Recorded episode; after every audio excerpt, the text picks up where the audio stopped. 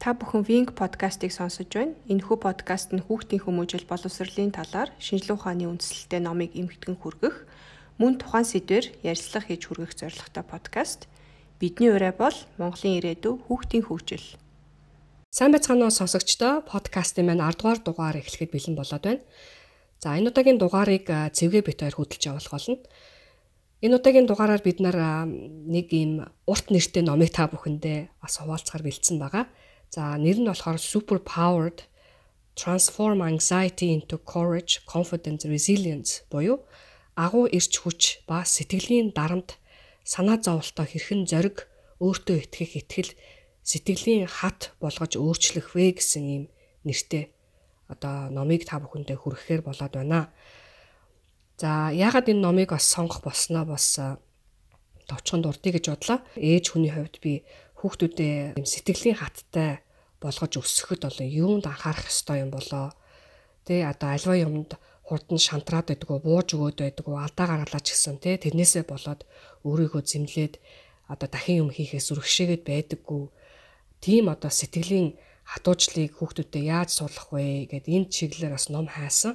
Тэгээ ном хайж явж хагаад энэ номтой би дайралтаад энэ номыг уншиж үзсэн чинь нэлээд бас сонирхолтой сэтгэл судлалын талаар зүйл нэлээд одоо мэдэх зүйлүүд их ном байна гэж үзээд бас энэ номыг та бүхэндээ хуваалцахаар болсон байгаа. Аа номын зохиолчт маань Shifali Tsabari Rene Jane гэсэн энэ хүмүүс байгаа.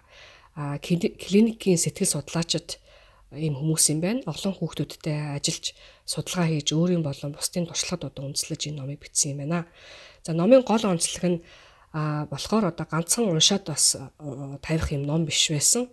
Энэ номоор дүүрэн одоо амьдралдаа хэрэгжүүлж болох те тийм заавар зөмдөмж юм дасгалуудыг бол энэ санд болгосон байсан. За ном маань бол өсвөр насны хүүхдүүдэд хандаж одоо бичсэн ном боловч том хүнд ч гэсэн бас өргөж өгөх юм ном санагцсан. За мөн одоо эцэг их сургууль хүмүүжүүлэгч хүмүүст хүүхдүүдэд ойлгож зөв зуршлыг бий болгоход туслах ийм одоо хэрэгтэй ном бол санагдсан байгаа. За ингээд ном маань гурван том одоо бүлгээс бүрддэг. За ингээд цэвгээ маань эхний хэсгээс нь яриа явах уу те. За тэгээ. За нэгдүгээр хэсэг маань болохоор сул тал биш айцыгаа а эргүүлээд өөрийнхөө дагуу тавал яаж болох вэ гэдэг талаар ярьсан байгаа. За юун түрүүнд эхлээд anxiety буюу сэтгэлийн төгшөөрэ гэж яг юу хэлээд байгаа юм бэ гэдэг талаар одоо жоохон бяцхан тайлбар өгье. Энэ л сэтгэлийн төгшөөр, сэтгэлийн дарамт, хит нэг юм санаа зовох бол сэтгэлийн эмгэг байд юм байна. Аюултай одоо амин талтай янз бүрийн зүйлдлүүд тохиолдсон шүү дээ. Ойр хавийнх нь хүмүүст өвчин тусах ч юм уу те. Тэгэхээр эднэр бол айж төгших асуудал гарч болно. Энэ бол хэвэн те. Харин өдөр бүрийн хийж байгаа зүйлүүдээ хичээлээ хийх, даалгавраа хийх, хувцаа өмсөх те. Тэр болгондоо айж төгшөөд, зүрхшээгээд, санаа зовоод одоо янз бүрийн бодол бодоо те. Тэгээд ах юм бол энэ бол харин хэвэн биш, харин айдас. Сэтгэлийн төгшөөр байдаг байх нэ. За сэтгэлийн төгшөөртэй том хүн хүүхэд ялгаагүй ямар мэдрэмжтэй байдаг вэ гэхээр айдаг, сандардаг, мөн өөртөө их итгэлгүй болж ирдэг юм байна. Тухайн айгаад байгаа юм а хийхээсээ цухтдаг, давтаж хийх хүсэлгүй болт юм байна л да. За ийм асуудалтай хүмүүс үүнийгээ яаж харж яаж үүнээсээ салах вэ гэдэг талаар ярьсан байгаа. Мэдээж энэ бол үнэх амаргүй зүйл л дээ Гэтэ сэтгэлийн төвшөөртэй байлаа гэд үүнийгээ том асуудал болгож бодох нь буруу юм. За тэгэхээр хүн бүр одоо ихээс төрөхдөө стресс, санаа зовоолт, сэтгэлийн дарамттай тэмцэх тийм дотоод таван хүч төрдөг юм байна. Ихээс төрсөн одоо бага насны хүүхдүүд ямар ямар гол ийм дотоод хүчтэй байдаг вэ гэхээр би төрхөөсөө л аливаа зүйлийг сонирхож судалж яг одоо байгаагаараа бүх зүйлдээ анхаарлаа хандуулж төвлөрч чаддаг. Одоо тэнцээ хин ээж хоол хийж гин үү, тэнцээ дүү уйлж гин үү, тэ тэнцээ найзууд тоглож гин үү гэж нэг тийм өөр юм санаа зовхгүйгээр өөрийнхөө хийж байгаа юмд бүхэл анхаарлаа төвлөрүүлж тэрүүндээ бүх чадлаа өгдөг тийм дотоод хүчтэй байдаг юм байна. А хоёр дахь хүч маань болохоор хүүхэд бол өөрийн гэсэн сонирхолтой, өөрийн гэсэн зан араншинтай дахин давтагдчихгүй цорын ганц онцгой тийм хүн байдаг юм байна. Тийм хүн бүр онцгой тий өөрөн гэсэн одоо характер, зан чанар, өөрийн гэсэн сонирхол те. Багада бусад хүмүүс юу бодох нь хамаагүй чи дуртай зүйлээ л хийж яадаг те. Өөрийнхөө дуртай, өөрийн сонирхолтой. Тэгэхээр хүн болгон өөр өөр оригинал хүчтэй өөр өөр. Гэтэ энэ нөгөө нэг оригинал хүч нь дахин давтагдчихгүй те. Хүн болгонд бусдаас ялгардаг тийм чадвар тийм одоо дотоод хүч байдаг юм байна. За гурав дахь дотоод хүч маань хүн төрхтөө өөртөө хайртай байдаг. Одоо биднээс том болцсон хүмүүс толон тараал миний уруулж тийм байна, нүдч тийм байна, эмэгтэй хүмүүс ялангуяа те.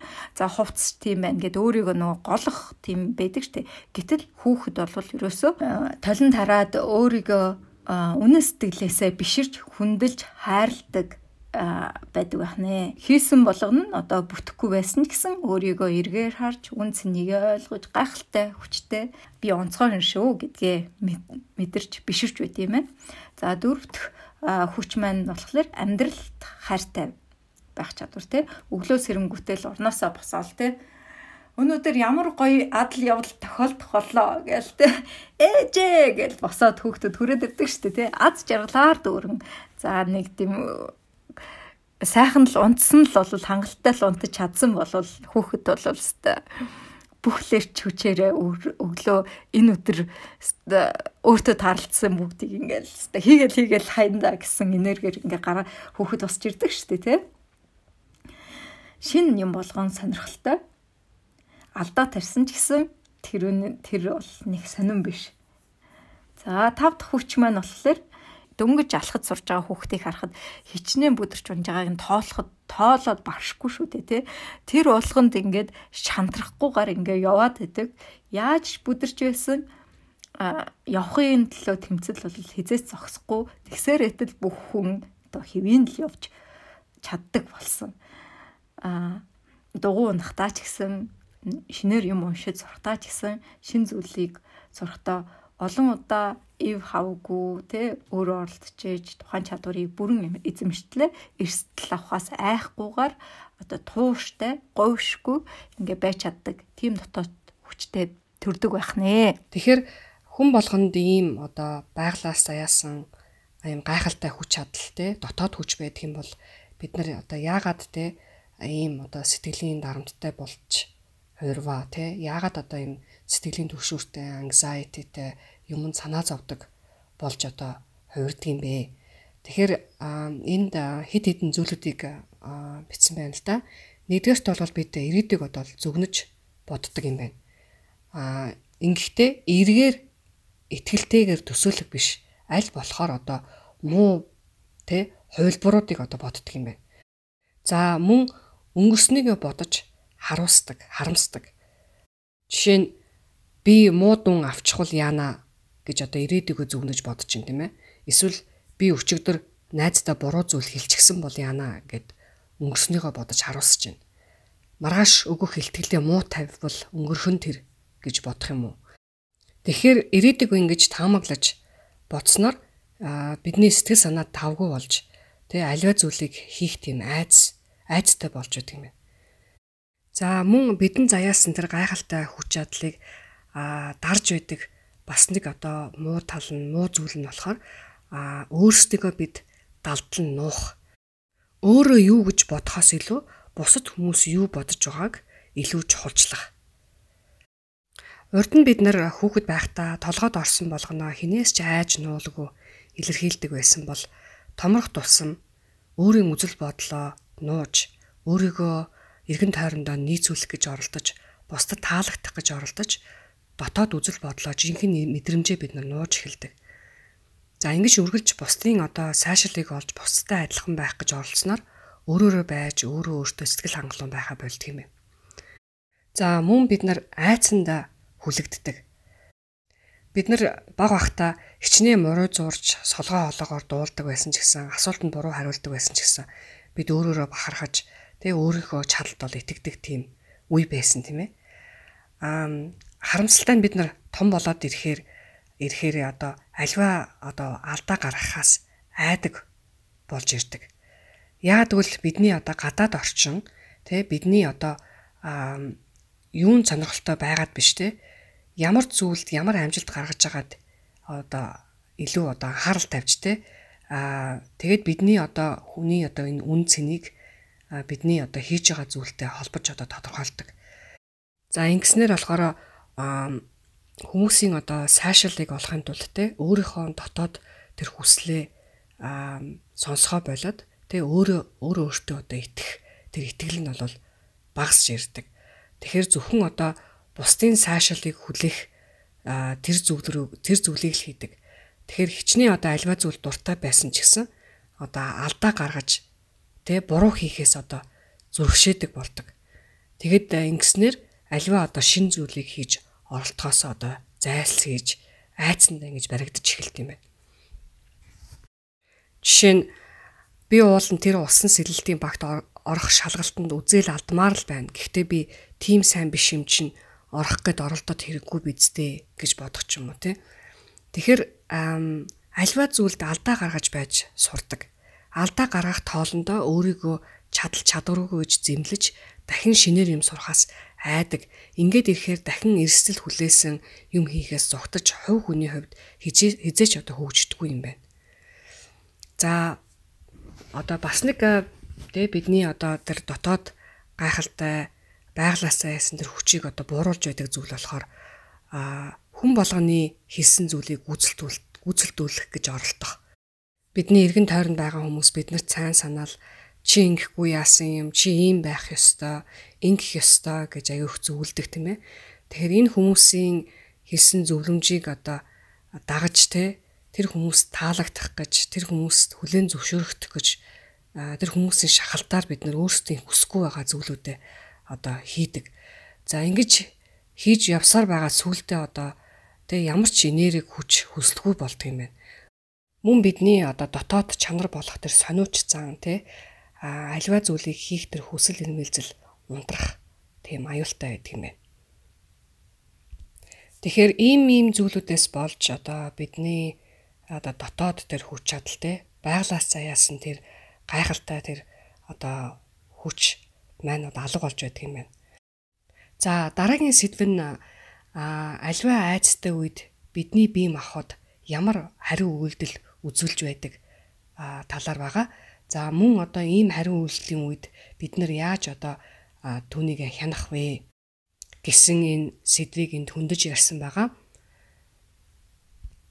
За аюул тулгарсан айцтай үед бидний бие махбод Тэ ямар ямар хариу үйлдэл үзүүлдэг вэ? За жишээ нь бол гар хөл, тэ хөлрөх, хоолой чичрэх, гидс эвгүүргэх, эвгүүрэх, толгой эргэх гэдэг ийм олон ийм таавгүй зүйлүүд бол бидний бие махбодод бие махбодод ажиглагддаг тийм ээ.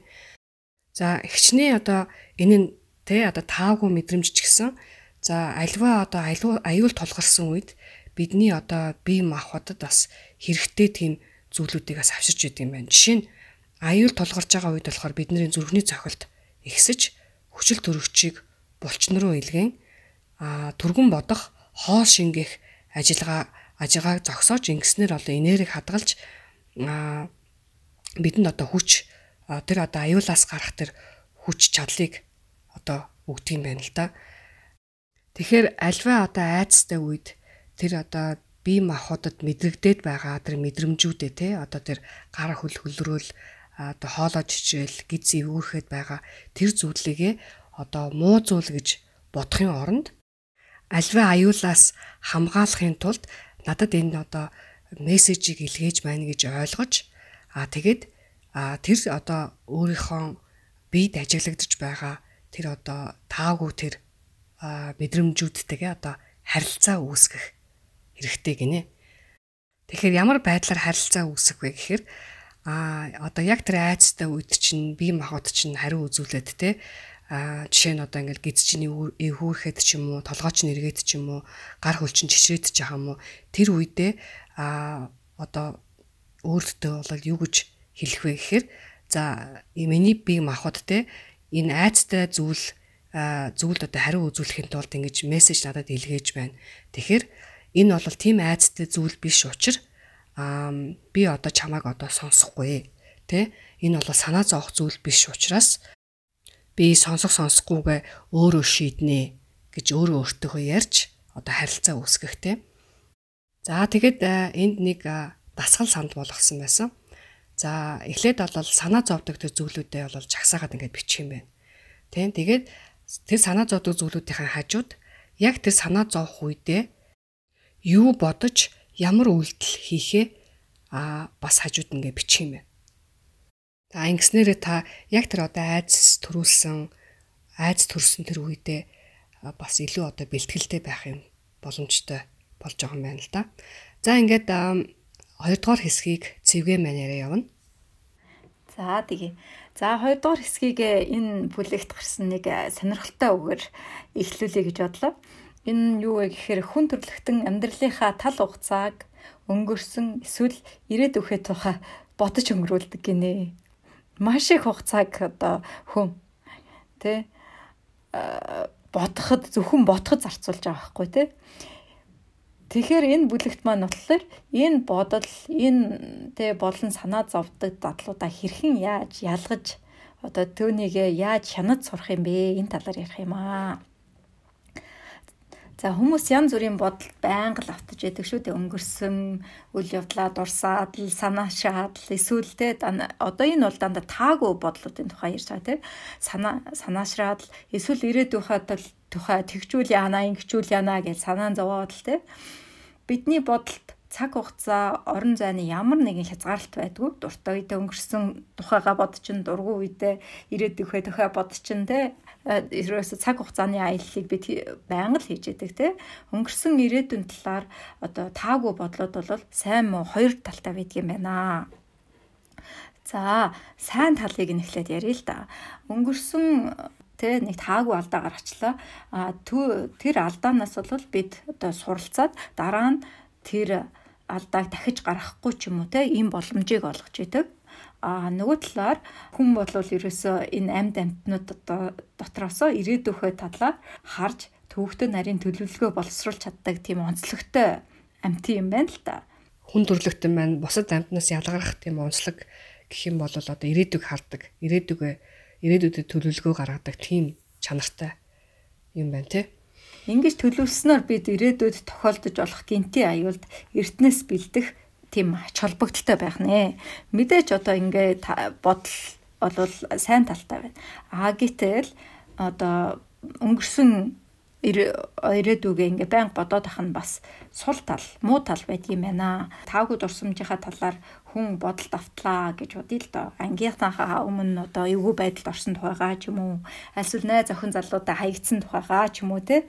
Эсвэл одоо юу байдгийг сахилахгүйдж жагаад ээж автаа баригдсан тухайгаа ч юм уу те. Иймэрхүү бодолд авцсан үедээ бид болсон явдлыг яг тэр чигт нь ингээд толгоонд буулгах юм байна л да.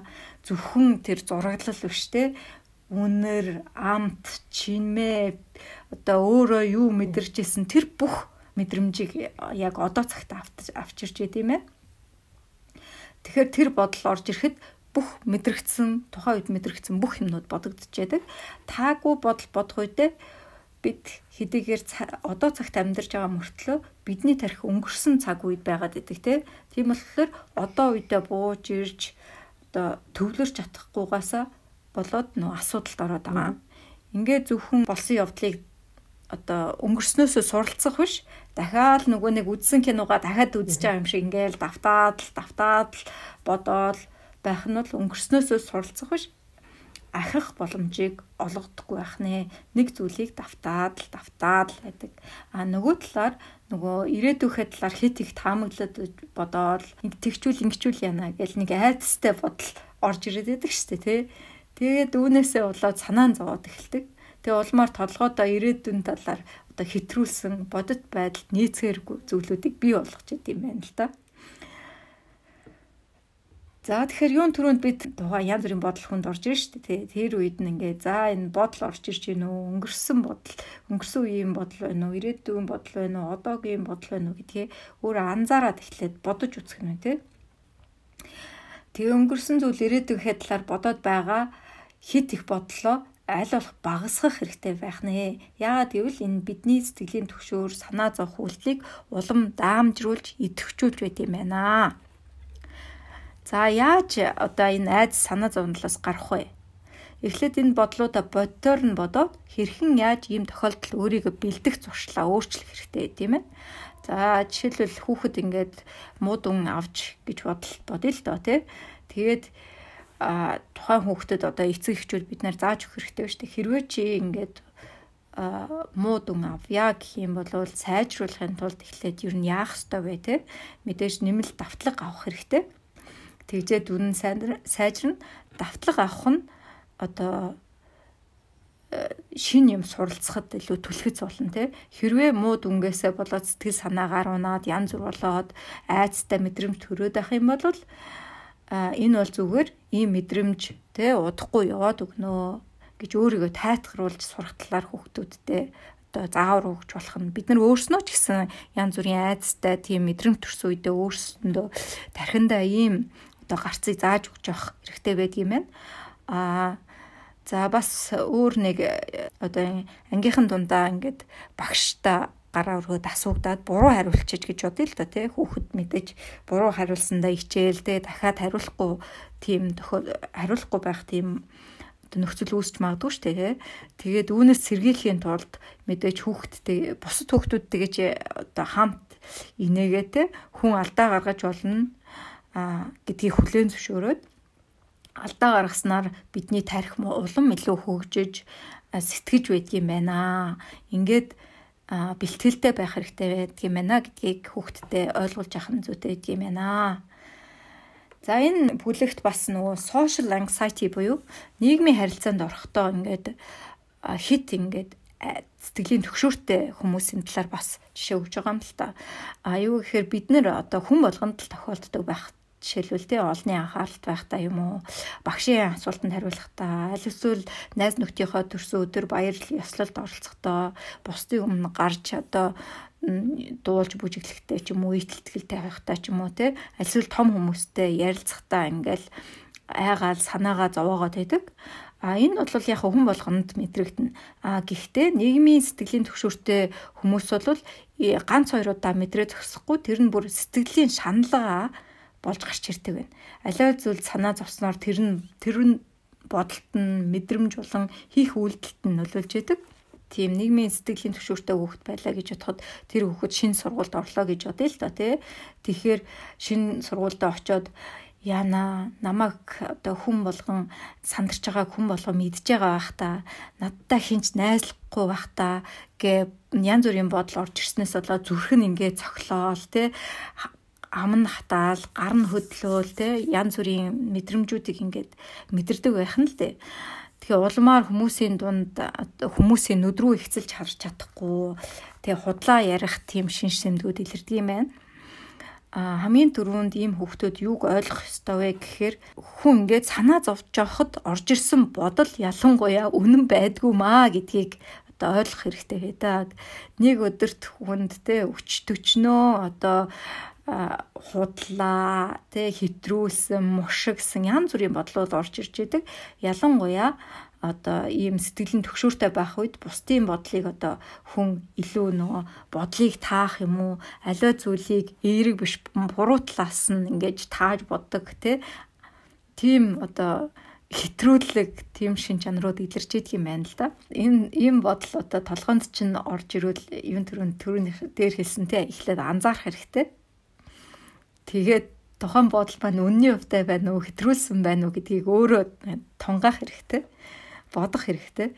Тэгээд бодлуудтайгаа өөрөө ингээд эн чинь ингэсэн бол тийм байх ёстой ш тэгээд зөв одоо эерэг бодлуудыг нь өөрөө олж агаад тэрүүнтэйгээ өөрөө өөртөө дотроо цэц бодлоолцолцож болно. Аа тэгээд мэдээж бодит байдалтай ойртуулчих юм бол их сайн хэрэг шүү дээ тий.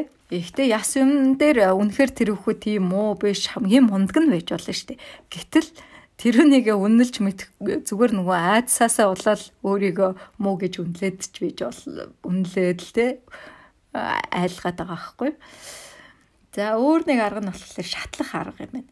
Хэрвээ нэгэн хүн аливаа нөхцөл байдлаас зайлс хийгээд энэ сэтгэлийн төгшөөрийг улам лавшруулад байдаг. Одоо жишээлбэл нэг даалгаварт одоо тухайн нэг хичээл дургүй болвол тэ даалгавар даалгаврыг хийхгүй ингээл зайлс хийгээл яваад байдаг юм байна.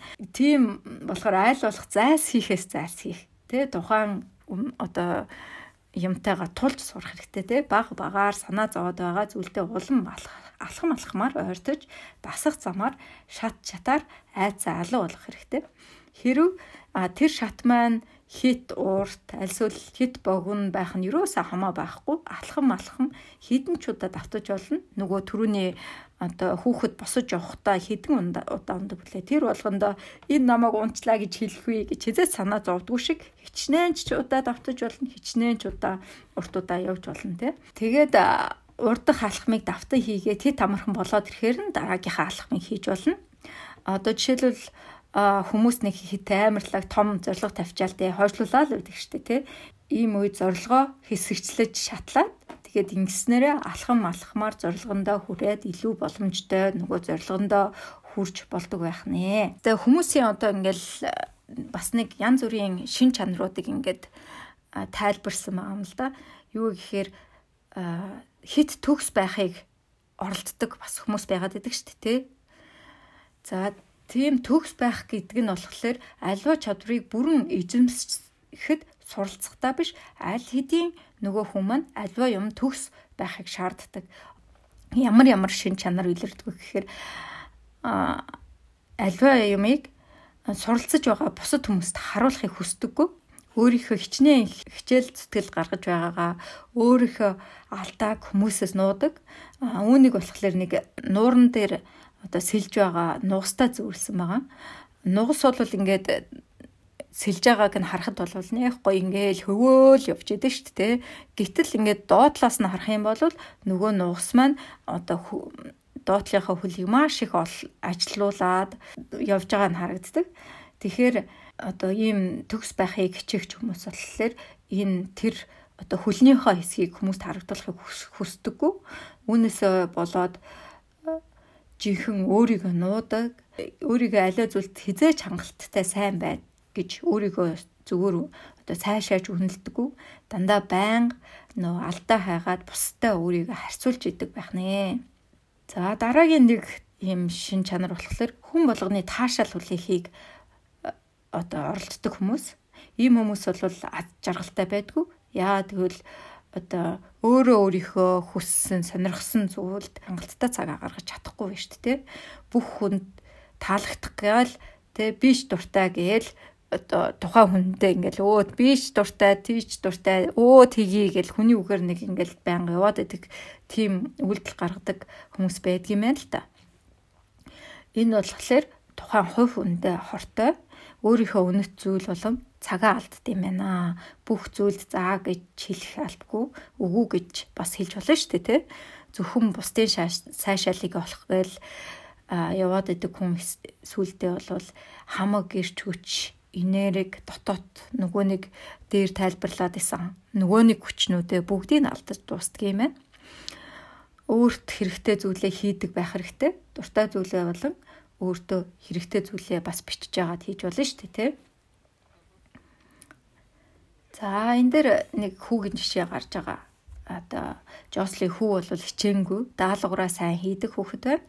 А гэвч хичээл дээр хизээч гараа өргөж оролцдоггүй өөрийнхөө хийсэн зүйлийг ханын самбар ч юм уу бүх нийтэд харуулахыг хүсдэггүй байна амралтаараа хөл бөмбөг гэртээ байнга тоглодог мөртлөө ангийнхаа хүүхдүүдтэй өөр хүүхдүүдтэй тоглодог. Үргэлжил буруу юм ярахаас айдаг, үргэлж төгс байхыг өөрөөсөө шаарддаг.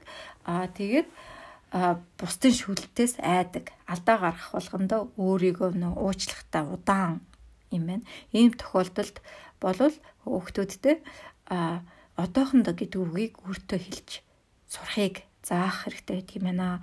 Хүн анх дөрөөд юу ч төгс биш байдаг. А байнга давтаж хөдөлмөрсөний унсан дээр тухайн зүйлийг одоо зүйл сайн болж эзэмшдэг. Өөрийнхөө сайн хийж чаддаг зүйлээ жагсаад бичээд за би энэ одоо дууд болохтай сайн биш ээ. Одоохондоо би сайн биш байгаа. Илүү сайжирнаа гэл те. Аль эсвэл хөл бөмбөг тоглохдоо одоохондоо би сайн ингээд сайн одоохондоо сайн биш байгаа зүйлүүдтэйгээ жагсааж бичээд тэр үнэгээ өөрийнхөө тархинд одоо сайн суулгаж ойлгуулж өгөх нь байна. За ихэнх хүмүүс амьдралдаа зориг тавиад эцсийн мөчтөл ямар байх дээр анхаарлаа төвлөрүүлээд байдаг.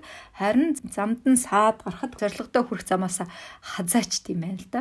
үүнтэй тэмцэх нэг арга арга байдаг. Тэр нь юу гэхээр одоо гэрийн даалгавар дээр ирсэн юм чи гэрийн даалгавраа ярьцгаая. Аа ингээд дөрвөлжин одоо цаасан дээр ингээд эхлээд бичих юм байна л да. Дүнгээ сайжруулъя гэж бодъё л да. Эхлэнд нь болохоор одоо дүнгээ сайжруулъя гэд тэр зорилгоо өчгөнө. Аа дүнгээ сайжруулвал за ямар дүү авах юм? Үр дүн нь болохоор за ээ юм уу би явна гэдэг үр дүнгээ бичих юм байна. Тэгээ энэ одоо дүнгээ авчаад ямар одоо мэдрэмж надад төрөх юм бэ гэдгийг дараагийнхаа мөрөнд чинь мэдээж одоо сайхан мэдрэмж төрнө штэ тий зорьсон зорилготой хүрчиж байгаа юм чи. Аа за дүнгээ одоо нөгөө дүнгээ сайжруулах гад одоо ингээд давтлага авлаач авья гэх юм болвол ямар саад турууд учирч болох юм бэ гэд гэдгийг бас өчнө. Тэгээ даалгавраа хийхээ хойшлуулна. Альсвал хичээлээ таслана гэдэг ч юм уу те. Ийм саад турууд тохиолдож болно те.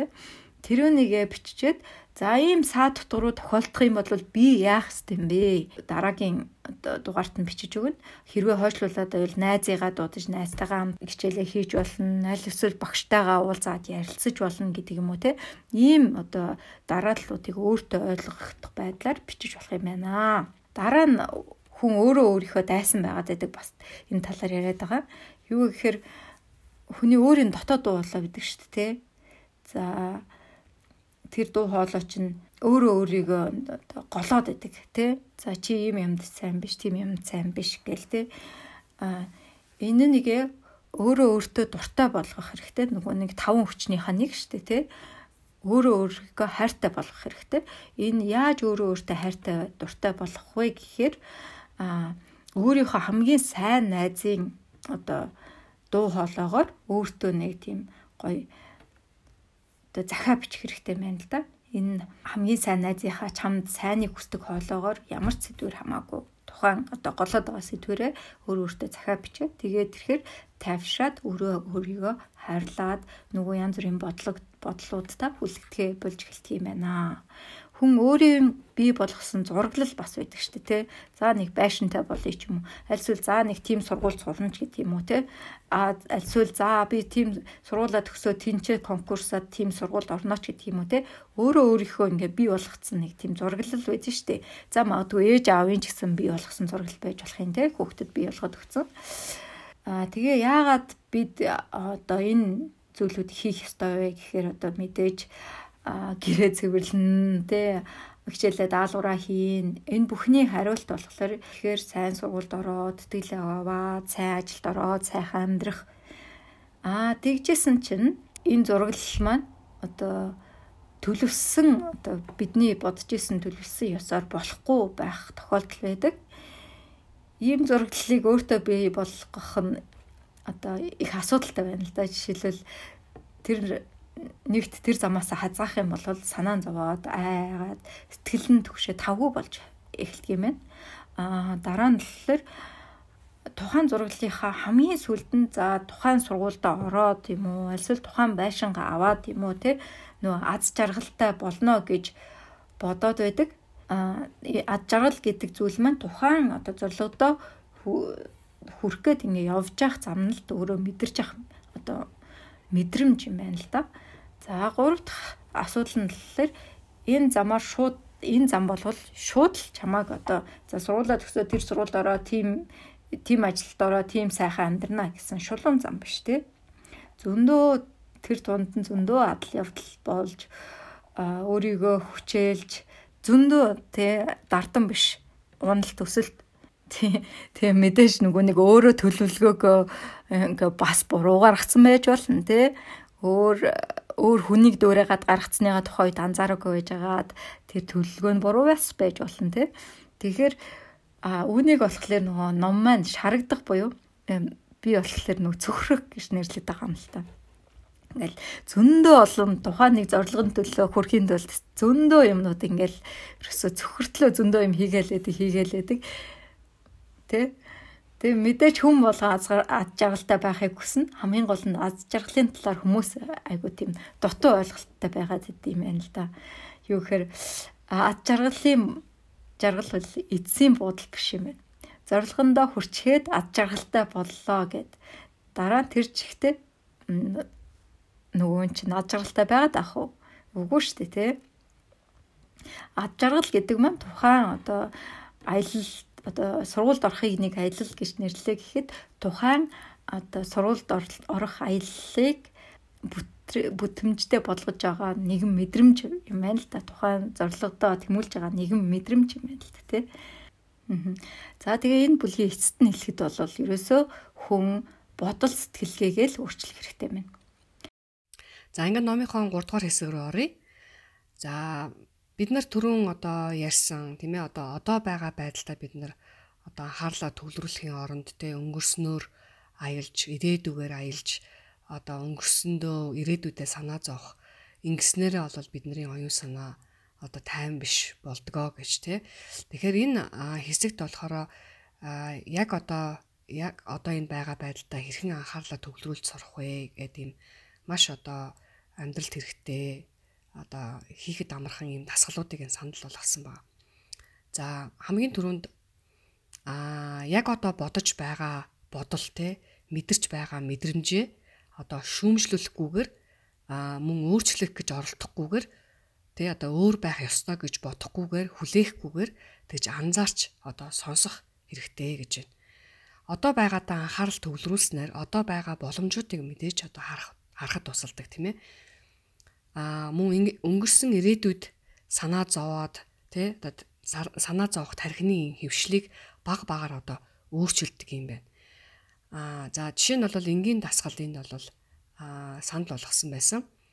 Аа нүдэ анаад амьсгалаа одоо гүнзгий авч гаргана. За тэгээд юу ч бодохгүйгээр юу ч одоо аа тэ юунд санаа зовхгүйгээр юу мэдрэгдэж юу сонсогдож байгаагаа одоо сайтар одоо анзаарах юм байна. За тэгээд ингээд анзаараад ирэхээр одоо өөрийнхөө өөрийнхөө одоо тийм ажиглагч нь болж ирдэг. Тэгээ өөрийгөө хүнлэнгөөс одоо харж сурдаг юм байна. За ингэснээр бол толгойд орж ирж байгаа бодлоо өөрөөсөө одоо салгаж чаддаг болдог. Мөн өөртөө зөвлөмж өгч өөрийнхөө одоо сайн найз байх одоо тийм боломж бүрддэг юм байна. За бодлоо бас ингээд ажиглаад үзгэнэ. Тэр олон бодол дундаас зөвхөн одоо өөрийнхөө итгэхийг хүссэн тэр одоо бодлоо сонгож итгэж бодох хэрэгтэй гэж байна одоо толгоонд орж ирсэн болгон одоо орж ирсэн бодол болгоныг те болгонд одоо итгэж тэр болгонд одоо үйлчлэх одоо шаардлагагүй. За тэгэхээр энэ дасгал энд одоо бас нэг дасгал одоо санд болгосон байсан. Толгоонд чинь одоо орж ирж байгаа нэг бодлоо сонгоод үз гэж байна. За тэгээд а гурван асуулт тавь гинэ. За нэг дэх асуулт нь болохоор за энэ бодол надад яг одоо хэрэгтэй байна уу гэж асуух. Тэ мэ? За Хоёр дахь бодол нь хоёр дахь асуулт нь болохоор энэ бодол миний үнэлдэг зүйлтэй нийцэж байна уу гэж асуух. За гурав дахь нь болохоор энэ бодол миний үнэн голоосоо итгэдэг зүйл мөн үү гэж асуух хэрэгтэй гинэ. Тэгэхээр оюун санаагаа зөвхөн одоо байдал төвлөрүүлэхэд мөн толгоогоо цэвэрлэж орон зай гаргаж өгөхөд одоо бясалгал бас их тусалдаг. За амьсгалтай хийдэг дараагийн одоо бясгал бясалгалыг одоо тогтмол хийгээд үзээрэй гэж юм тийм ээ. За эхлээд утсандаа бол хуцаа тавиад тий тэгээд зөвхөн хамраараа амьсгал авч гаргаад анхаарлаа амьсгалдаа бол төвлөрүүлнэ. За тэгээд цээж мөн хөвлийн хэсэг а дээр гараа тавиад те хэрхэн одоо баг багаар тэлж хэрхэн баг багаар цаашаа агширж байгааг бол анзаараад энэ хөдөлгөөнийг ингээд анзаараад ингээд хэсэг ингээд суух юм байна. За тэгээд а ингэж өргөжлүүлж одоо хийхэд те одоо бодол альва одоо бодол орж ирэх юм бол за зүгээр ингээд бодол орж ирж байна гэж зүгээр анзаараад хүлэн зөвшөөрөөд тэгээд буцаагаад анхаарлаа одоо амьсгал дээр аваачих юм байна. За бас нэг өөр нэг дасгалыг энэ санал болгосон байсан. За гараараа хоёр гараараа 5 удаа алга ташаад тэгээд 15 секундын турш ингээд гараа хооронд нь үрэх юм байна. Гарынхаа алгыг. За тэгээд аажим аажмаар үлснийхаа дараа ингээд айж мааж гараа ингээд холдуулна бие юунаас нь. За ингэж холдуулахад ямар нэгэн одоо мэдрэмж төрж байгаа хэсгийг өөрөө ингээд анзаарч анзаарч суух юм байна. Аа гарын алгыг ингээд хооронд нь холдуулахад хоорондоо юм навийн утсаар холбогдсон мэт тийм мэдрэмж бас зарим хүнд бол мэдрэгддэг гинэ. За За тэгээд саяны дурдсан энэ дасгалуудыг ингээд хийгээд хэд хэдэн удаа одоо хийгээд ингэж хийсний одоо үр дүнд одоо тань мэдрэгдэж байгаа ямар нэгэн зүйл байгаа эсгээл тэмдэглэж тэмдэглэж сурах юм байна л да. Аа жишээ нь бол одоо тий муу унтдаг байсан бол сайн унтдаг болох ч юм уу эсвэл одоо баг ядардаг болж байгаа ч юм уу болж байгаа эсгээ ч юм уу сэтгэл санаа чинь тайвширч байгаа эсгээ ч юм уу ингээд өөрөө анзаараад юу мэдэрч байгаагаа анзаараад тэгээ түүнийг тэмдэглэж өчих юм байна. За энэ номонд бас нэг сонин түүх гардаг байгаа. Нэг эмэгтэй багасаа л одоо ийм одоо зохиолч болохыг одоо мөрөөддөг байсан юм байна л да. Тэгэд өөрөө болохоор тийм зохиолч хүний хүмүүсийн одоо гэр бүл тас төрсэн хүүхэд байсан. Тэгээд том болоод тэр аа одоо нөгөө мэрэгчлээ сонгох болоод тэгээд боддог тийм ээ. За би ингээд ээж аав шиг ийм одоо зохиолч одоо ийм мэрэгжил сонгох уу цаашаа эсвэл одоо юу яах вэ? Одоо тий арай нэг амьдралд нэг жоохон хоол залгуулчихмаар тий одоо мэрэгжил сонгох уу тийм ээ. Яагаад тэгэхээр одоо зохиолчийн амьдралыг одоо мэддэг учраас тий ээж аав нь одоо хоёулаа зохиолч байсан учраас нэлийн одоо тийм тийм санхүүгийн одоо бололцоо муутай одоо төрсөн өссөн байдаг. За тэгээд өөрийнхөө дотоод хүсэл нь болохоор одоо зохиолч болох байсан болохоор тэр ерөөсөө л энэ зохиолчороо би одоо сурыг гээд тэгээ сонголоо сонгодог уран зохиолоор ингээд сургууль дүүргдэг байгаа. За тэгээд 7 жилийн дараа өөрийнхөө амьдралыг тэр хардаг тий. Гэтэл одоо өөрийнхөө амьдралыг хартал одоо яг өөрийнхөө өсөөснөөс нь шал өөрөөр амьдрал нь одоо иргэсэн байдаг. Аа хүнтэй суугаа салчихсан нэг хүүхэдтэй болоод өөрөө одоо өрх толгойлсон эмэгтэй болчихсон байдаг. Ядуу зүдэ амьдарч яадаг тэр. За ингээд өөрийгөө ингээд амьдралыг өөрийнхөө амьдралыг хараад тэр нэлээд одоо гутардаг байгаа тийм ээ. Аа тэгээд эргэн тойрон байгаа хүмүүс нь одоо амьдралаа одоо дээшлүүл гэдэг айгүй олон тийм одоо тий одоо зөвлөгөө өгдөг байсан юм байна л да. А гэтэл одоо дотоод одоо тэр хүсэл нь болохоор юм ном бичих тийм хүсэлтэй байсан юм байна. Тэгээд нөгөөдөг чинь нөгөө хүмүүсийн одоо тий тэр хэлж байгаа зүйлүүдийг одоо ерөөсөө сонсохгүйгээр тий одоо өөрийнхөө дотоод хүслээ сонсоод тэгээд нэг ном бичдэг. Тэгээд ном бичснийхаа дараа одоо хид хидийн нэг юм нөгөө хэвлэлийн компаниудаар яваад хэвлүүлэх гэж одоо хөөцөлддөг. Аа тэгсэн чинь одоо ямар ч одоо тэг хэвлэлийн компани номыг нь бол хэвлдэг байгаа. Тэгээд тэр эмэгтэй шантралгүйгээр нэлээд хэсэг хугацааны дараа нэг одоо хэвлэлийн компани болоод тэгээд нөгөө номыг нь хэвлдэг байгаа. Аа за тэгээд тэр ном маань болохоор ямар ном гэхээр та бидний сайн мэдих нөгөө Harry Potter ном байдаг. А зохиолч нь болохоор J.K. Rowling гэдэг тийм ээ. Тэгэхээр энэ мэдээж бид дотоод одоо тэр дуу хоолойгоо сонсох нь ямар чухал болохыг одоо харуулж байна тийм ээ. За энэ ном дээр нэг юм дасгал одоо санал болгосон байгаа. За нэг харь гаргаас те одоо одон орон одоо галактикийг одоо судлах гад манай энэ одоо галактик гаригуудыг судлах гад нэг хүн одоо хурж ирж гинэлтэй дэлхий дээр. Тэгээд дэлхий дээр бууж ирээд одоо анхны одоо дайралцсан хүн нь болохоор та байна гэж одоо төсөөл гэж байна. За тэгээд тэр хүн маань одоо танаас асууна. Та хэн бэ гэж асууна. А гэтэл та мэдээж өөрийгөө би хүн байна гэж хариулна. А тэр хүн тэр одоо харь гаргийн хүн таныг одоо хүн гэдгийг чинь мэдж байгаа. А тэгээд дахиад асуудаг. Би таны хэн гэдгийг мэдэж байна. Харин та яг хэн бэ гэж одоо асууна. Тэгэхээр энэ асуултанд та юу гэж хариулах вэ? Тэр харь гаргийн хүн таны хариулсан хариултыг бичиж аваад одоо буцаад яваад байгаа нэрсэн газар руугаа. Тэгэхээр хинч одоо таны хэлсэн зүйлийг уншихгүй гэсэн. Тэгэхээр яг энэ асуултанд тийм ээ хинч таны бичсэн зүйлийг уншихгүй гэж бодоод та юу гэж энэ одоо харь гаргийн хүний асуусан асуултанд хариулах вэ? Та хэн бэ гэж хариулах вэ? Тэгэхээр энэ дээр та юу ч бичиж болно тийм ээ. Өөрийнхөө дуртай зүйлүүдийг жигшдэг зүйлүүдээ ч юм уу, өөрийгөө одоо хүндэлдэг зүйлүүдээ ч юм уу, дургу зүйлүүдээ, айдаг зүйлүүдээ гэд энэ болгоныг одоо бич гэсэн ийм одоо тасгал санд болгосон байсан.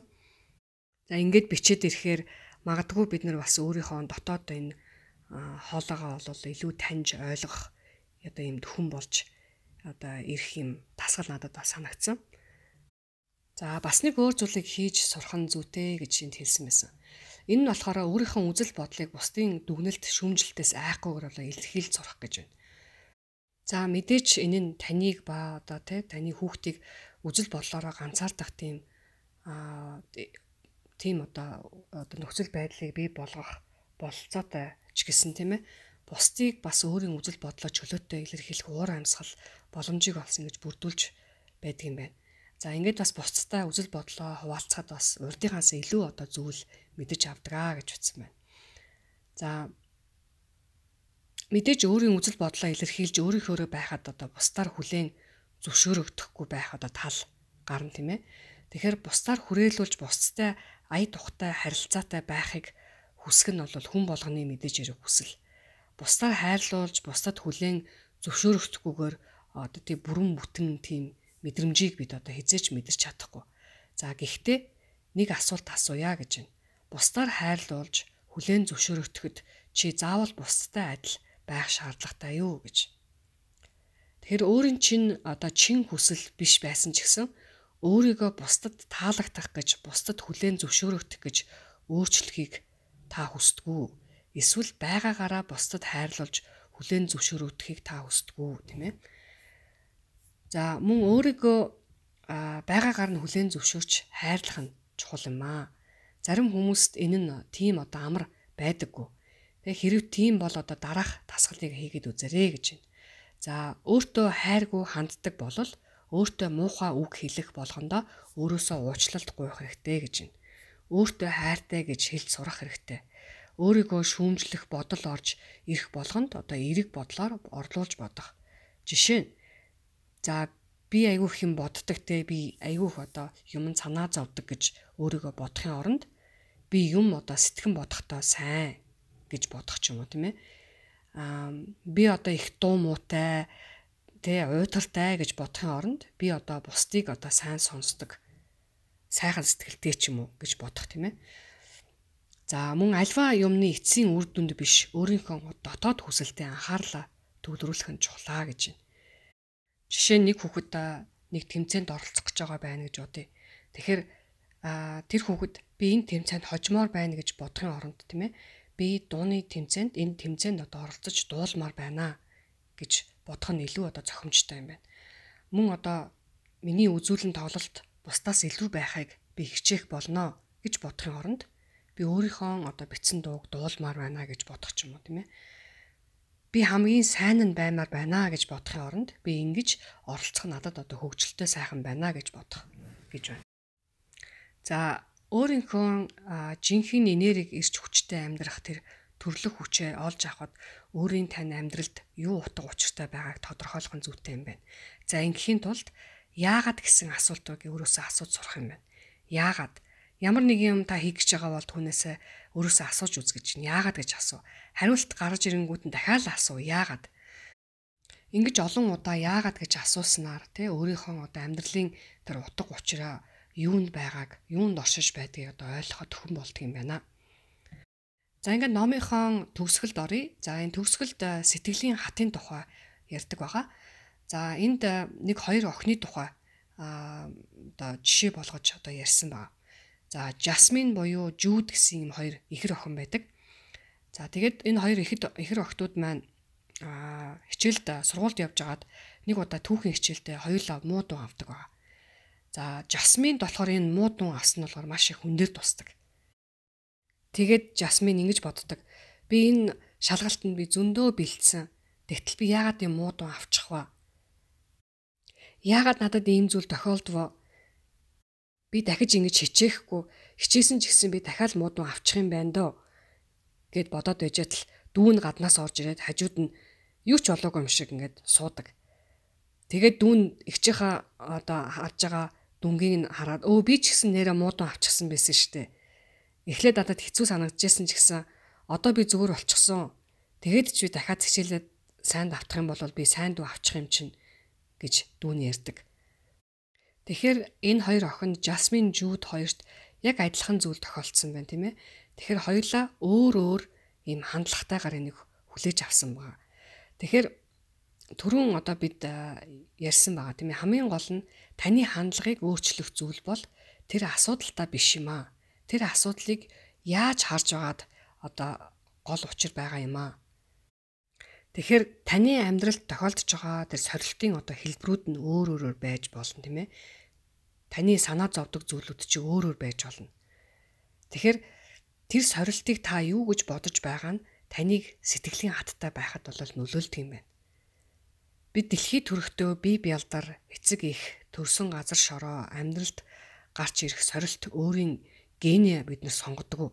Харин ганцхан зүйлийг бид сонгож болдог. Энэ нь аливаа зүйлийг харгах харах үнцэг.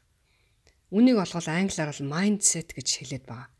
Таны харах үнцэг зөв байснаар таны сэтгэлийн хаттай байх дотоод чанарыг чинь тордож байдаг юм байна. За альва зүйлийг зөв өнцгөр харахад туслах зүйлүүдийг эхнээс нь ярив. Эхлээд альва зүйлийг өөдрөгөөр харж сурах хэрэгтэй гинэ. Өөдрөг хүмүүс альва зүйлийг удаан үргэлжлэхгүй гэж хардаг гэнэ.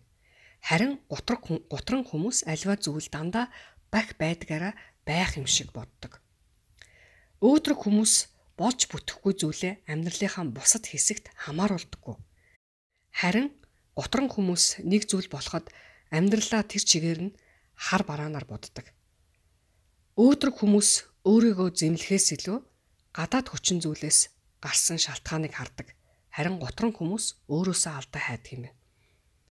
Тэгэхээр бид гутран үзлэр альва зүйлд ханддаг бол түүнийг арай өөдрөгөөр харж сурч тэ харах үнцгөө өдөр сэтгэлгээгээ өөрчлөх хэрэгтэй гэдэг юм байна.